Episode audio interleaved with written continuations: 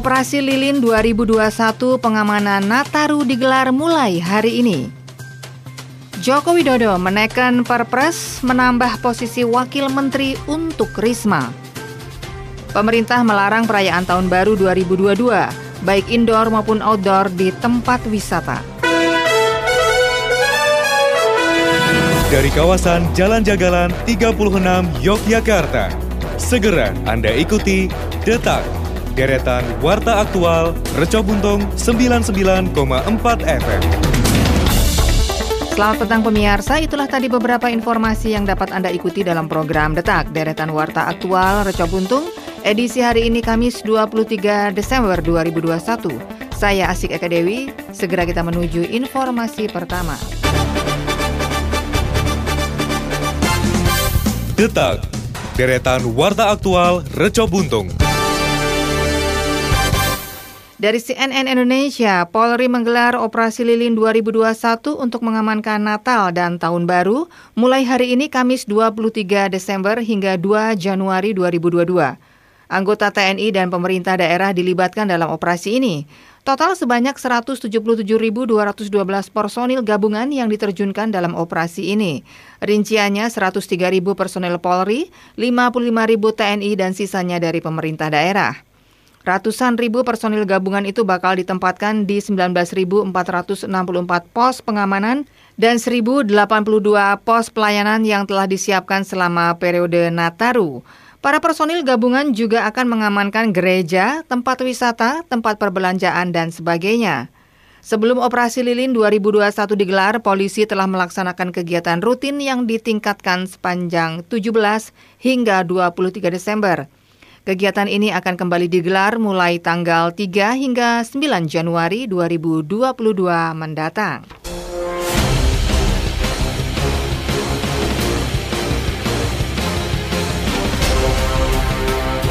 Dari CNN Indonesia, Presiden Joko Widodo menerbitkan peraturan Presiden nomor 110 tahun 2021 tentang Kementerian Sosial. Salah satu poin dalam Perpres itu adalah penambahan posisi Wakil Menteri Sosial.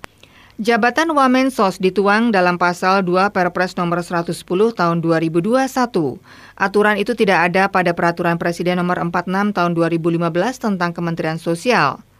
Wakil Menteri Sosial diangkat dan diberhentikan oleh Presiden.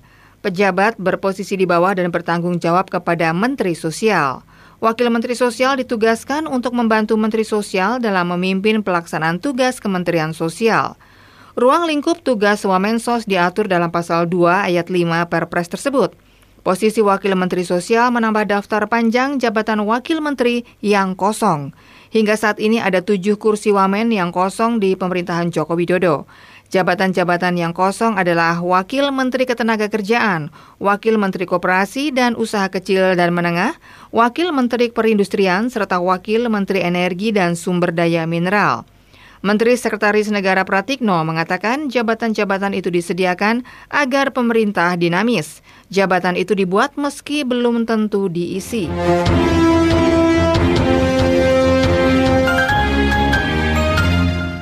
Pemirsa, pemerintah melarang tempat usaha atau destinasi wisata untuk menggelar acara perayaan Tahun Baru 2022. Hal itu tertuang dalam surat edaran Menteri Pariwisata dan Ekonomi Kreatif tentang aktivitas usaha dan destinasi pariwisata pada saat perayaan Natal 2021 dan Tahun Baru 2022. Seluruh tempat usaha atau destinasi wisata dilarang menyelenggarakan acara perayaan Tahun Baru, baik di area tertutup atau indoor maupun di area terbuka atau outdoor, termasuk arak-arakan, pesta petasan, dan kembang api. Demikian bunyi surat edaran tersebut dikutip kompas.com. Selama libur Natal dan Tahun Baru, surat edaran nomor SE 2 MK garis miring 2021 tersebut ditandatangani oleh Menparekraf Sandiaga Salahuddin Uno pada tanggal 6 Desember 2021. Surat edaran ini juga ditujukan kepada para gubernur, bupati, dan wali kota, Ketua Asosiasi Usaha Pariwisata dan Pelaku Usaha Pariwisata, serta Ketua Asosiasi Bioskop. Dalam surat edaran tersebut, Kepala Daerah, Ketua Asosiasi Usaha Pariwisata dan pelaku usaha pariwisata, serta Ketua Asosiasi Bioskop diharapkan dapat mendukung dan bekerja sama untuk menerapkan, mensosialisasikan, serta melakukan pengawasan dan pengendalian kebijakan tersebut. Hal itu perlu dilakukan secara serempak guna mencegah penularan dan potensi terjadinya gelombang ketiga wabah COVID-19. Detak deretan Warta Aktual Reco Buntung.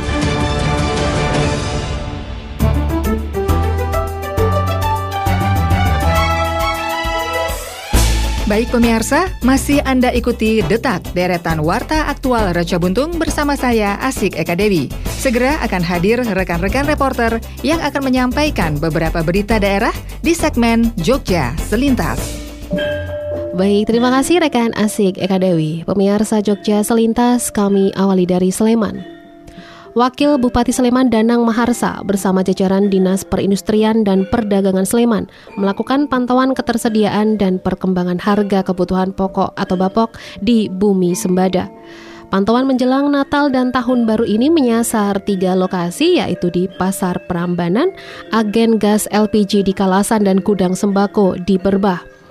Dijelaskan oleh Kepala Bidang Perdagangan Disperindak Sleman Nia Astuti pada Rabu kemarin, dengan hasil ketersediaan terpantau cukup. Dinamika belanja masyarakat terkendali, artinya tidak ada panic buying menjelang Natal dan Tahun Baru ini. Kendati stok ketersediaan cukup, ia mengatakan terdapat tiga komoditas yang harganya masih tinggi di atas harga eceran di Kabupaten Sleman, yakni telur ayam yang saat ini di harga Rp27.000 per kilogram. Harga ini lebih tinggi dibandingkan harga normal yaitu Rp21 hingga Rp22.000 per kilogram. Kemudian cabai rawit merah, komoditas cita rasa pedas kini sudah menyentuh Rp82.000 per kilogram, padahal harga normalnya Rp30.000 per kilogram. Selanjutnya minyak goreng yang harga eceran tertinggi Rp13.000 per liter saat ini bertengger cukup lama di harga Rp19.800 per liter. Menurutnya, kenaikan harga telur ayam dan cabai rawit merah cenderung dipengaruhi dikarenakan faktor ketersediaan, musim, dan juga cuaca. Selain itu juga banyak produksi sawit yang dialihkan untuk biodiesel sehingga ketersediaan minyak goreng di pasaran pun juga berkurang. Kita beralih ke Kulon Progo. Pemirsa, penemuan jasad bayi berjenis kelamin laki-laki menggemparkan warga Kalurahan Donomulyo, Kapanewon Nangkulan, Kabupaten Kulon Progo. Hingga saat ini, Kepolisian Resor atau Polres Kulon Progo masih melakukan penyelidikan terhadap kasus penemuan jasad bayi tersebut. Kasih Humas Polres Kulon Progo Ibtu Inengah Jafri membenarkan ditemukannya jasad bayi berusia satu hari di dekat dapur rumah UH berusia 23 tahun, ibu kandung yang melahirkan bayi tersebut pada Selasa 21 Desember malam hari. Penemuan jasad bayi terkuak oleh warga setempat yang mencurigai UH yang mengalami sakit dan pendarahan. Setelah dicek di lingkungan sekitar rumah B yang merupakan ayah kandung UH ditemukan gundukan tanah. Setelah dibongkar, terdapat mayat bayi yang terbungkus kain putih. Warga kemudian melaporkan kejadian tersebut kepada kepolisian setempat.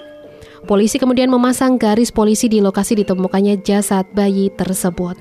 Sementara itu Ketua RT setempat Tukirin mendapatkan informasi penemuan jasad bayi tersebut sepulang dirinya kerja, di mana saat itu rumah UH sudah ramai banyak orang. Demikian pemirsa informasi dari Sleman dan Kulon Progo sumber berita dari tribunjogja.com. Saya Meida Mara dan kita beralih ke berita kota Yogyakarta bersama rekan dari Pradita. Silakan dari. Baik, terima kasih Meida Mara. Pendengar Wali Kota Yogyakarta Haryadi Suyuti memimpin apel gelar pasukan operasi Lilin Progo tahun 2021. Kegiatan berlangsung di sepanjang Jalan Ibda Tut Harsono pagi tadi. Dalam operasi lilin Progo kali ini melibatkan berbagai unsur baik Polri, TNI, Pemkot Yogyakarta, dan berbagai ormas kemasyarakatan maupun keagamaan. Pada kesempatan tersebut, Wali Kota Yogyakarta, Haryadi Suyuti menyatakan, menghimbau kepada seluruh warga masyarakat Kota Jogja agar dapat berpartisipasi aktif dalam menjaga keamanan maupun ketertiban lingkungan sekitarnya. Mengingat pada saat libur Natal dan Tahun Baru, Selain berpotensi meningkatnya arus kendaraan, juga menjadi peluang bagi meningkatnya tindak kriminalitas. Wali Kota Yogyakarta juga meminta kepada masyarakat pada pergantian tahun agar tidak menyalakan petasan dan kembang api, serta tidak melakukan konvoi berkeliling kota Yogyakarta. Hal ini untuk menghindari terjadinya potensi pengumpulan massa dan menimbulkan kerumunan. Sementara itu, dalam rangka peringatan Hari Natal, pihaknya telah mengeluarkan himbauan instruksi antara lain agar dalam pelaksanaan ibadah Natal mematuhi protokol kesehatan dan jemaat yang menghadiri peringatan Natal di gereja wajib sudah tervaksin. Untuk itu pihaknya meminta agar setiap gereja membentuk panitia atau satgas penanganan COVID-19 serta mengatur jalannya ibadah agar tidak berpotensi terjadi kerumunan. Di sisi lain, Kapolresta Yogyakarta Kombes Pol Purwadi menyatakan selama libur Natal dan Tahun Baru, pihaknya telah menyiapkan beberapa pos, baik di depan gereja Kota Baru, pos Tugu, pos Tetek, dan pos di 0 km. Selain itu, juga akan diterapkan rekayasa lalu lintas dengan total petugas yang akan dikerahkan berjumlah sekitar 1.100 personel lebih. Pendengar dalam rangka menjelang libur Natal dan Tahun Baru, Dinas Tenaga Kerja dan Transmigrasi DIY berkolaborasi dengan perusahaan jasa kesehatan keselamatan kerja atau PJK 3 Jateng DIY untuk melakukan support di sektor pariwisata terkait kesiapan hotel di Jogja menghadapi libur Natal dan Tahun Baru. Inspeksi dilakukan pada hari Rabu 22 Desember 2021 di tiga hotel yang ada di kawasan Sumbu Filosofis, yaitu Hotel Harper, Arjuna, dan Grand Zuri. Sebelumnya, Disnaker Tran DIY juga telah memulai kegiatan inspeksi pada awal bulan Desember sampai menjelang libur Nataru. Kepala Disnaker Trans DIY Arya Nugrahadi menyatakan kegiatan inspeksi pada hotel perlu dilakukan mengingat Jogja sebagai kota tujuan wisata tentu akan dipenuhi oleh wisatawan pada musim libur Natal dan Tahun Baru. Disnaker Trans mempunyai kewenangan untuk melakukan monitoring dan pengecekan karena Jogja masih dalam suasana kewaspadaan terkait dengan COVID-19. Monitoring terkait dengan protokol kesehatan 5M, penerapan aplikasi peduli lindungi, pemeriksaan serta pengujian alat keselamatan dan kesehatan kerja untuk pemeriksaan dan pengujian alat K3 antara lain terkait dengan lift, pemadam kebakaran, kelistrikan, genset, dan penangkal petir. Demikian informasi dari kota Yogyakarta, saya dari Pradita. Segera kita menuju ke rekan Widya Gita. Iya, baik terima kasih dari Pradita. Pemirsa bersama saya Widya akan saya sampaikan informasi dari Bantul dan Gunung Kidul. Hasil perhitungan berdasarkan data dari tanggal 7 sampai 20 Desember 2021. Kabupaten Bantul berada pada zona risiko rendah atau zona kuning. Dari data tersebut, dua Kapanewon masih berstatus oranye, yakni Banguntapan dan Pleret. Dua Kapanewon berstatus kuning, yakni Kasihan dan Bantul. Dan 13 sisanya berzona hijau. Pemerintah Kabupaten Bantul akan terus melakukan berbagai upaya agar virus COVID-19 tidak menyebar kembali. Positif rate terkini di angka 0,27. Artinya perkembangan kasus COVID-19 sangat terkendali. Tidak ada penyebaran yang berarti. Angka tersebut sangat kecil dan Bantul pernah mengalami positif rate hingga 40 saat menghadapi varian Delta. Demikian disampaikan Kepala Dinas Kesehatan Kabupaten Bantul Agus Budi Raharjo. Namun ia berharap agar masyarakat tidak menurunkan kewaspadaannya dan tetap disiplin menerapkan protokol kesehatan. Karena Indonesia saat ini masih dalam ancaman varian baru, yakni Omikron. Untuk itu Dinas Kesehatan tengah meningkatkan kewaspadaan terlebih setelah adanya warga Bantul yang sempat dirawat di Wisma Atlet di mana di tempat tersebut ditemukannya kasus penularan varian Omikron. Sebagai bentuk kehati-hatian maka diperlukan pemeriksaan whole genome sequencing untuk memastikan apakah warga Bantul tersebut tertular varian Omikron atau tidak. Ia menekankan meskipun orang tersebut sudah dinyatakan sembuh namun menurutnya tetap harus dilakukan pengecekan. Warga Bantul tersebut adalah tenaga kerja Indonesia yang bekerja di luar negeri dan pulang ke Indonesia. Ia sempat melakukan isolasi di Wisma Atlet saat kasus Omikron mencuat.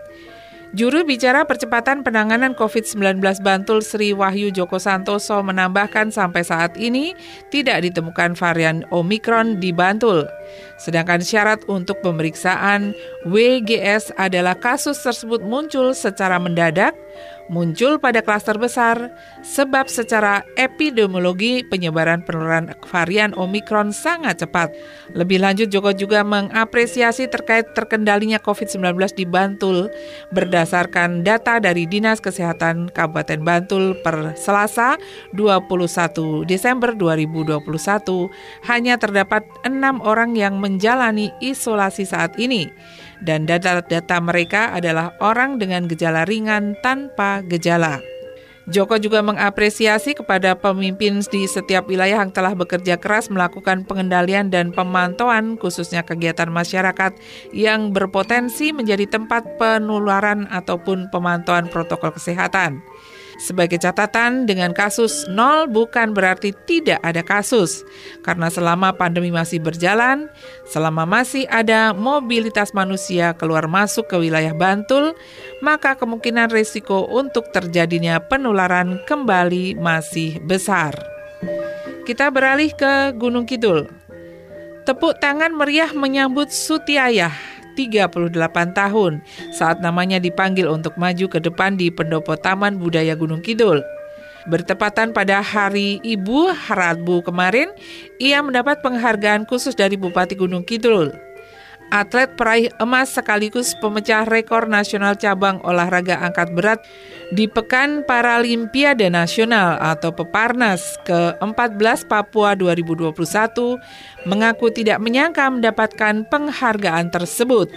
Penghargaan yang diterima Sutiayah diterimakan karena ia telah mengharumkan nama Kabupaten Gunung Kidul setelah menyabet dua prestasi sekaligus di Peparnas. Sebelum mengikuti Olimpiade tersebut, Sutiayah mengaku banyak orang meragukan kemampuannya karena kondisinya sebagai seorang disabilitas. Setelah prestasi diraih, kondisi langsung berbalik. Semua memberikan pujian. Demikian disampaikan ibu dari seorang putra berusia 11 tahun.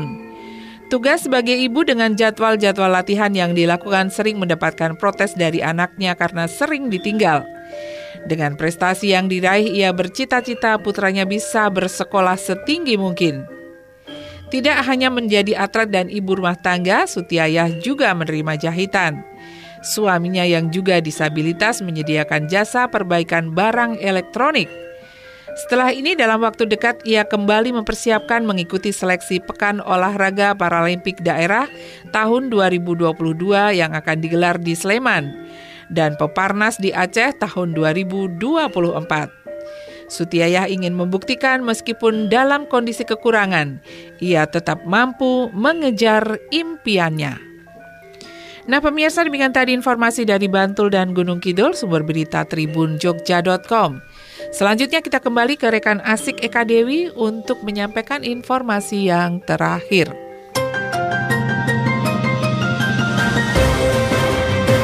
Kasih untuk rekan-rekan reporter yang sudah mengabarkan informasi di segmen Jogja Selintas. Dan pemirsa, sekarang kita sampai ke informasi yang terakhir. Detak, deretan warta aktual Reco Buntung. Dari Tribun Jogja.com, sebanyak 19 judul buku karya para guru SLB CDIY di di Auditorium Gratama Pustaka Badan Perpustakaan dan Arsip Daerah Daerah Istimewa Yogyakarta. Selain para penulis, hadir dalam acara itu anggota DPRD DIY Muhammad Yasid, Kepala BPAD, Monika Nur, pejabat Disdikpora DIY, Bahtiar, dan pemimpin redaksi Tribun Jogja, Ribut Raharjo. Pada kesempatan itu Yasid mengapresiasi karya para guru SLB di tengah pandemi, di tengah melayani anak-anak berkebutuhan khusus, masih mampu berkarya menulis buku. Yasid pun kini berjuang untuk menggolkan revisi peraturan daerah tentang disabilitas dan mendapat banyak masukan dari para guru SLB. Monica pun turut mengapresiasi para guru ini. Dia berharap terus ada upaya membangun budaya membaca yang dimulai dari mendorong minat, gemar hingga menjadi gaya hidup. Sementara Ribut Raharjo mengaku merasa minder karena sebagai wartawan, dirinya belum menghasilkan karya buku yang ia tulis sendiri, melainkan satu judul buku ditulis beramai-ramai. Untuk itu dia berharap spirit para guru ini mampu merambah ke aneka profesi lainnya untuk merangsang yang lain menulis buku.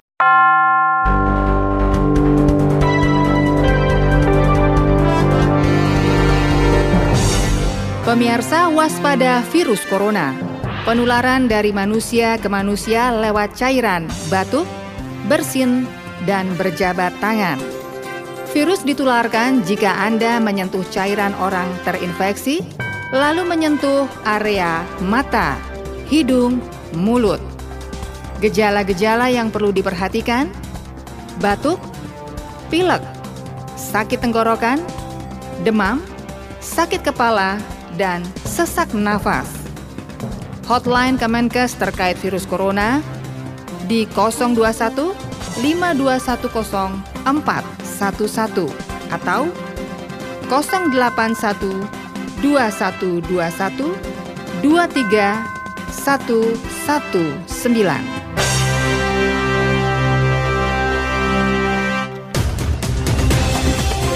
Pemirsa, informasi tadi menutup program Detak edisi hari ini, Kamis 23 Desember 2021. Ikuti kembali program Detak Deretan Warta Aktual Reco Buntung esok petang pukul 18 waktu Indonesia Barat. Radio lawan COVID-19. Jangan lupa cuci tangan pakai sabun, jaga jarak, jangan berkerumun, gunakan masker, dan lebih baik di rumah saja. Saya Asika Dewi, selamat petang dan sampai jumpa. Pemirsa, telah Anda ikuti Detak, Deretan Warta Aktual, Produksi, Tercobuntung 99,4 FM.